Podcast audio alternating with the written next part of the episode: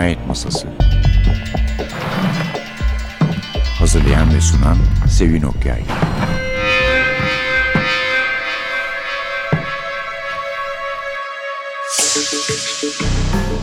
Merhaba, NTV Radyo'nun Cinayet Masası programına hoş geldiniz. Bugün size e, yeni bir yazar sunuyoruz. Laurie R. King yazarımız. Kitabımızda Arıcının Çırağı. Türkçe'ye Müge Atalay Bayyurt çevirmiş ve Portakal kitaptan çıkmış. Şimdi ben kitabı ilk defa elime aldığında ve üzerinde bir avcı şapkası ve piposuyla profilden gölge olarak Sherlock Holmes gördüğümde yani doğrusunu söylemek gerekirse pek de umuda kapılmadım. Çünkü Sherlock Holmes yerine başka birilerinin yazdığı kitapları biliyoruz. Çeşitli yerlerde, çeşitli yaşlarda Sherlock Holmes'lar. Gencecik Sherlock Holmes'lar. Artık bir ayağı çukurda olan Sherlock Holmes'lar. İngiltere'de, İspanya'da ne isterseniz yani ve doğrusu bana da bu sonradan ortaya çıkma Holmes'ler orijinali kadar iyi değilmiş gibi geliyordu hep. Nasıl ki Sophie Hannah'ın da Agatha Christie'nin seviyesine asla erişemeyeceğini düşünüyorsan. Evet fakat bu gerçekten hoş bir sürpriz oldu. Çünkü Laurie Ray King benim sandığım gibi yani bunu da utanarak söylüyorum bir polisiye e, meraklısı olarak benim sandığım gibi öyle bir e, hevese kapılmış, elini denemiş yazar çıkmadı.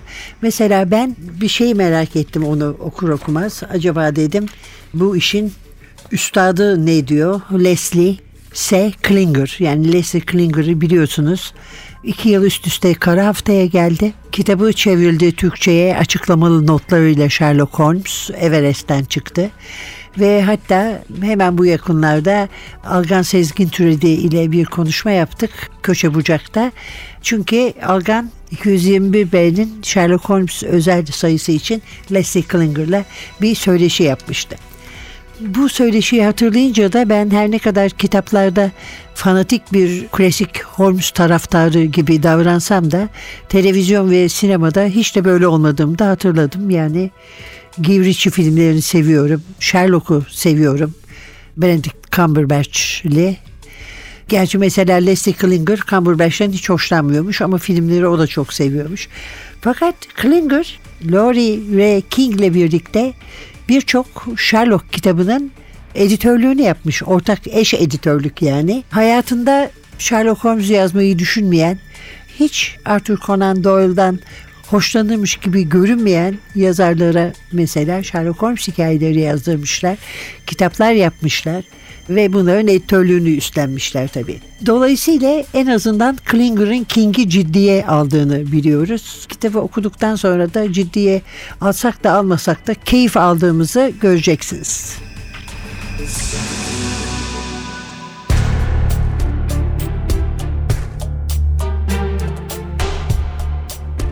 Kendimizinki dışında sahici bir zekanın belirtisini keşfetmek, Robinson Crusoe'nun adasının kumlarında bir insan ayağının izini gördüğünde hissettiklerine benzer bir hisse kapılmamızı sağlıyor. Sherlock Holmes'e ilk rastladığımda, yani Sussex Downs'ta burnumu bir kitabın içine gömmüş vaziyette yürürken ve az daha onun üzerine basacakken 15 yaşındaydım. Kendimi savunmak adına söylüyorum ki çok sürükleyici bir kitaptı ve dahası normalde 1915'te savaş sürerken o bölgede başka birine nadiren rastlardın. Nitekim genelde benden uzak duran kuzuların ve çektiğim acılar sonucu uzak durmayı içgüdüsel olarak öğrendiğim Karaçalıların arasında dolanarak geçirdiğim 7 hafta boyunca daha önce kimsenin üstüne basmamıştım.'' Nisan ayında serin ama güneşli bir gündü ve kitap Virgilius'un bir eseriydi. Sessiz çiftlik evinden şafakta çıkmıştım ve her zamankinden farklı bir rotaya, güneydoğuya, denize doğru sapmıştım. Gün ağrırken vaktimi Latince fiilleri çözmeye çalışarak, taş duvarların üzerinden farkında olmadan atlayarak ve çalı çitlerin etrafından hiç düşünmeden dolanarak geçirmiştim.'' ve öyle ki denizi muhtemelen kayker uçurumlardan birinden düşünceye dek fark etmeyecektim. Evrende başka birilerinin de bulunduğunu, Az ötemde bir erkek boğazını gürültüyle temizleyince fark ettim. Latince kitap havaya uçtu. Hemen ardından bir küfür geldi. Kalbim küt küt atarken hızla toparlandım ve ayaklarımın dibindeki adama gözlüğümün üzerinden baktım.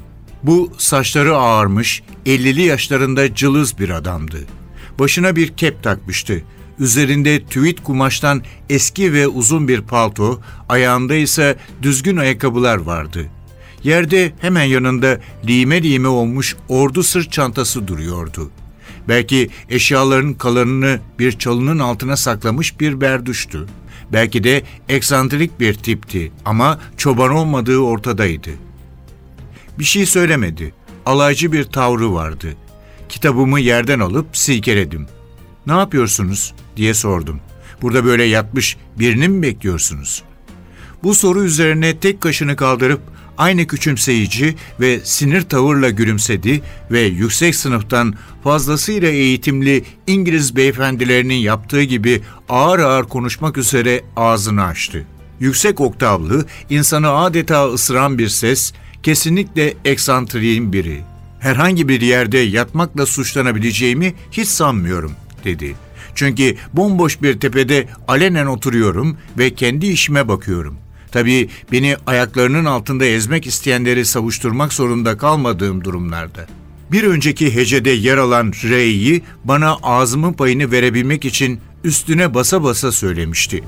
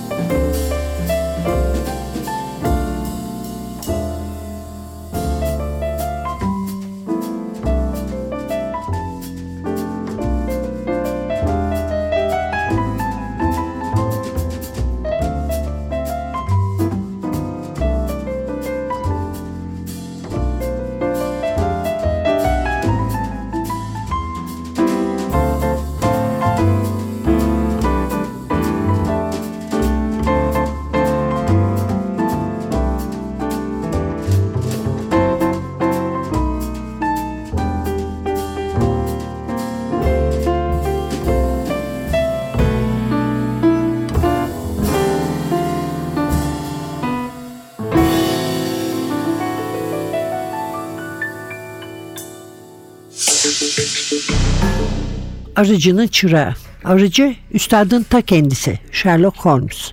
Çırak da Mary Russell 15 yaşında. Daha bir çocuk vücuduna sahip uzun boylu olsa da çok. Egoist yenilerde öksüz yetim kalmış. Ve hem çok zeki hem de zeki olduğunun farkında ve kendini beğenmiş bir kız çocuğu. Yıl 1915 Sherlock Holmes kendini emekliye ayırmış ve güneye gitmiş. Güneyde arılar üzerinde hem deneyler yapıyor hem arı yetiştiriyor. Kovanlarla birlikte mutlu bir hayat. Yanında da Mrs. Hudson var. Mary Russell bir gün elinde bir Vergilius kitabını okuyarak kırlarda dolaşırken rahat rahat dolaşıyormuşsun. Çünkü 1915 yılında savaşın ortasında pek kimse çıkmıyormuş karşına kırlarda. Yerde yatan birine basıyor, sendeliyor ve ikili böylece tanışıyorlar. Ufak bir azar işitiyor tabii. Ondan sonra ona bazı cevaplar veriyor. İşte okuduğu kitabı görüyor. Holmes onunla ilgileniyor.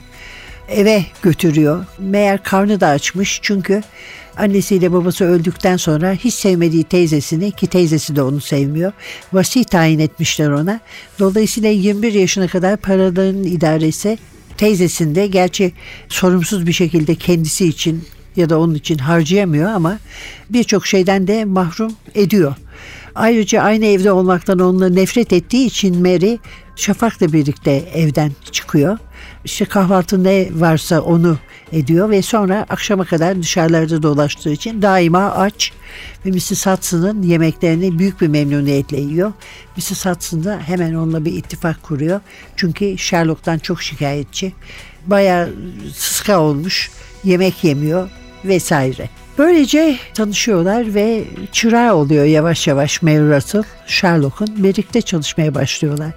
Kıyafet değiştirmeyi öğreniyor, insanları takip etmeyi öğreniyor, takip edeni atlatmayı. Yani Sherlock ne biliyorsa kendisi yavaş yavaş bu küçük çırağı da öğretiyor ve derken karşılarına etkili bir kötü şahıs çıkıyor onunla ciddi bir savaşları oluyor vesaire. Elbette ki kitapla ilgili açıklar vermek de istemeyiz burada.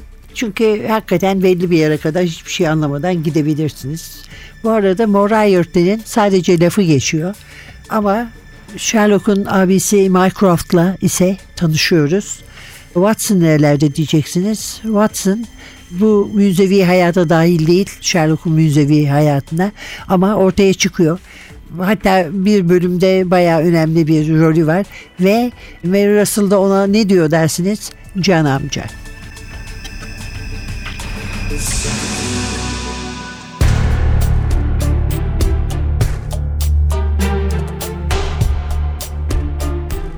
Holmes cebinden ufacık bir kurşun kalem ve iki kere kullanılmış buruşuk bir zarf çıkardı.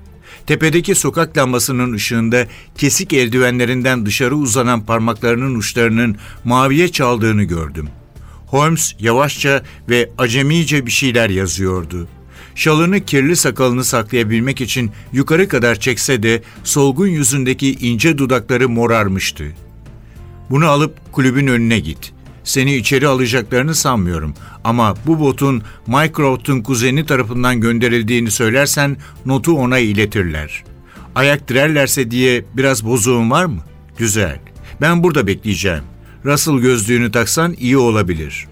Çabuk çabuk yürümeye koyuldum. Ama gün boyu ayaklarımı kuru tutan botlar şimdi sanki 10 kilo çekiyordu. Girişteki adam benim pek de iyi görünmeyen notumu içerideki bir üyeye götürmemek için sahiden de direndi. Ama çok ısrar ettim. Ve neticesinde bir dakika sonra sıcak kulüpten içeri alındım. Gözlüğümün buğulandığı sırada biri karşıma geçip ben Mycroft Holmes, kardeşim nerede diye gürledi. Sesin geldiği tarafa doğru elimi uzattı. Elim tutuldu ve ılık, çiğ ekmek hamurunu andıran bir el tarafından sertçe sıkıldı. İri yarı adama gözlüğümün üstünden baktım. Dışarıda bekliyor efendim. Şayet mümkünse kendisinin yani ikimizin geceyi geçirecek bir yere ve sıcak yemeğe ihtiyacı var. Sonra kısık sesle bir de doktor gelse iyi olur diye ekledim. Evet, yaralandığını biliyorum. Bayan Hudson bana telefon edip her şeyi anlattı ve benden Doktor Watson'ı çağırmamı istedi. Ama kendisini buna gerek olmadığına, Sussex'teki doktorların işlerini gayet iyi bildiklerine ikna ettim. Sonunda Sherlock kendini toparlayıncaya dek Doktor Watson'a haber vermemeye razı geldi. Sherlock'un hastaneden kaçtığını Scotland Yard'daki arkadaşlarımdan duyunca şaşırdığımı itiraf edeyim. Yaraları hafif mi? Değil. Çok acı çektiğine eminim ama hayatı tehlikede değil. Tabii şayet enfeksiyon kapmazsa. Dinlenmeye, yemek yemeye ve sessiz sakin bir yere ihtiyacı var. Ama dışarıda soğukta dikiliyor. Sesini yükseltti ve paltosunu istetti. Birlikte karlı sokağa çıktık. Gözlüğümün buğusu hemen geçti ve ilerideki sokak lambasının altına baktım. Onu orada bıraktım dedim ve işaret ettim. Yanımdaki adam tokalaşmasından tahmin ettiğim gibi kocamandı ama benden hızlıydı. Karanlıkta bekleyen Holmes'un yanına ilk varan o oldu ve onu oturduğu ters çevrilmiş kasanın üzerinden kaldırdı. İyi akşamlar Mycroft dedi Holmes. Küçük sıkıntımla kitap okumanı böldüğüm için özür dilerim. Ama ne yazık ki görünüşe bakılırsa biri Bayan Russell'ı ve beni ortadan kaldırmaya çalışıyor. Bize yardım etmek istersin diye düşündüm.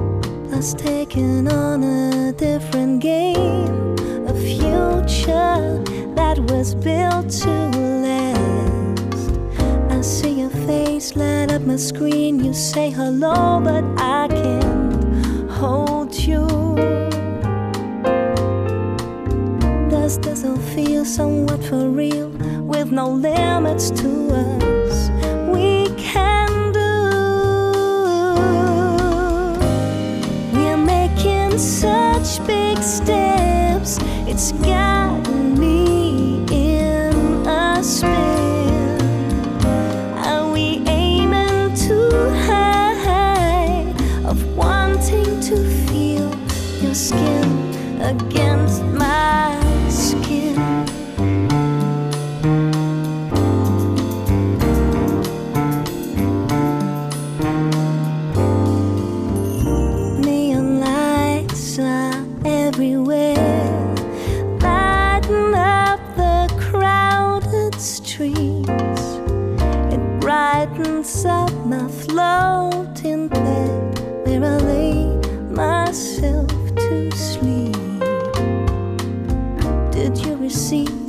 I sent today upon the box in Times Square?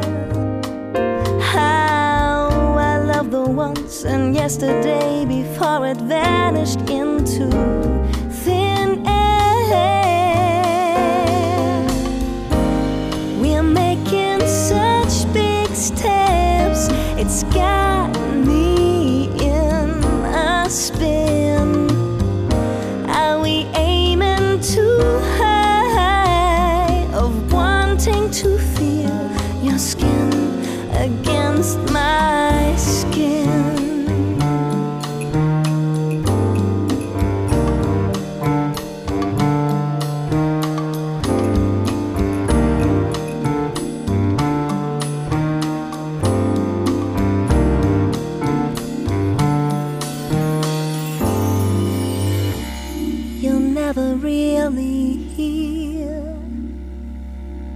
This is all a big mistake.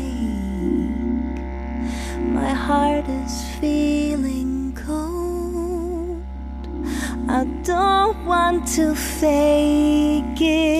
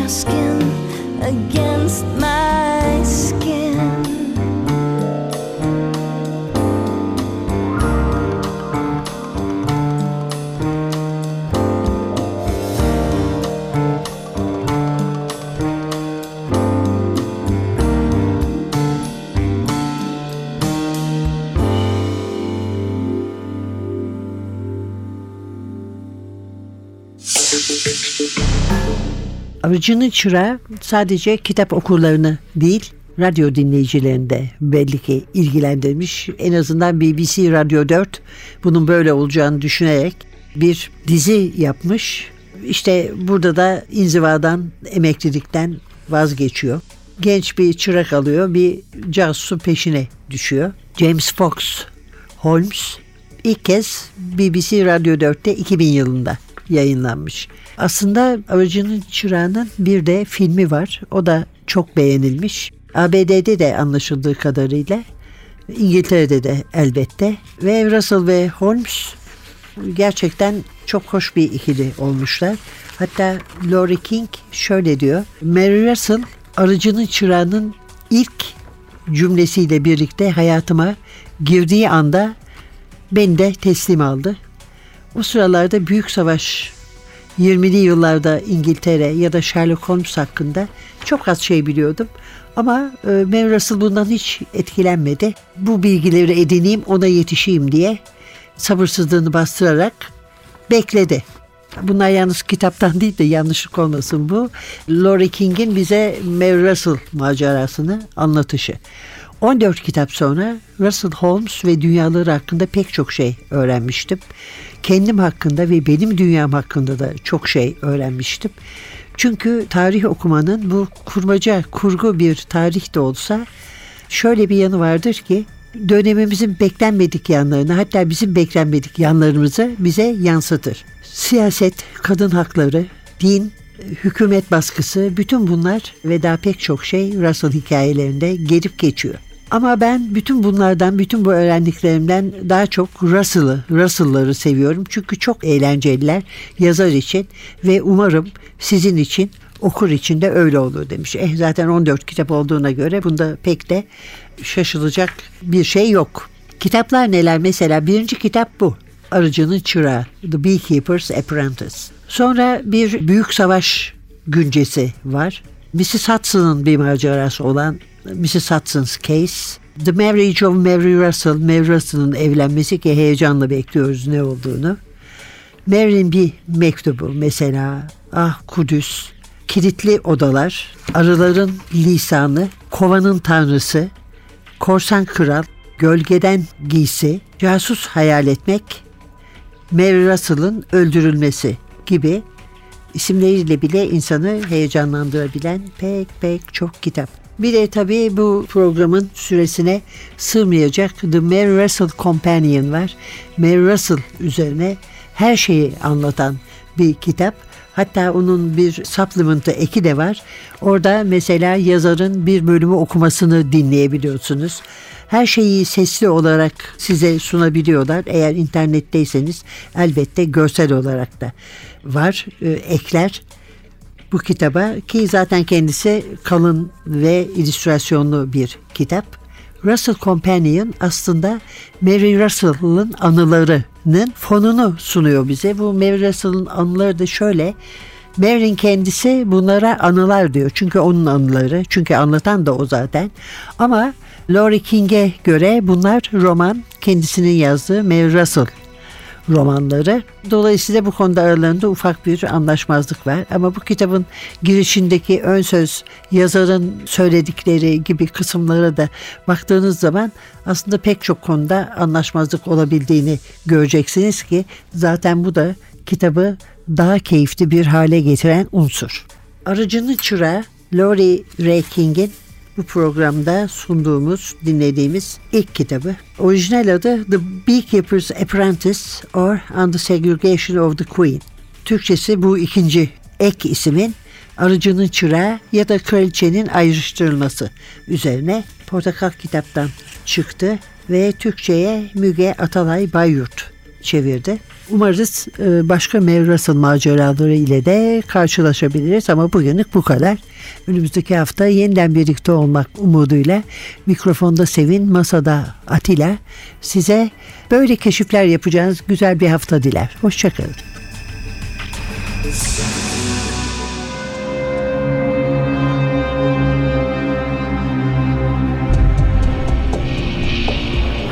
Cinayet Masası Hazırlayan ve sunan Sevin Okyay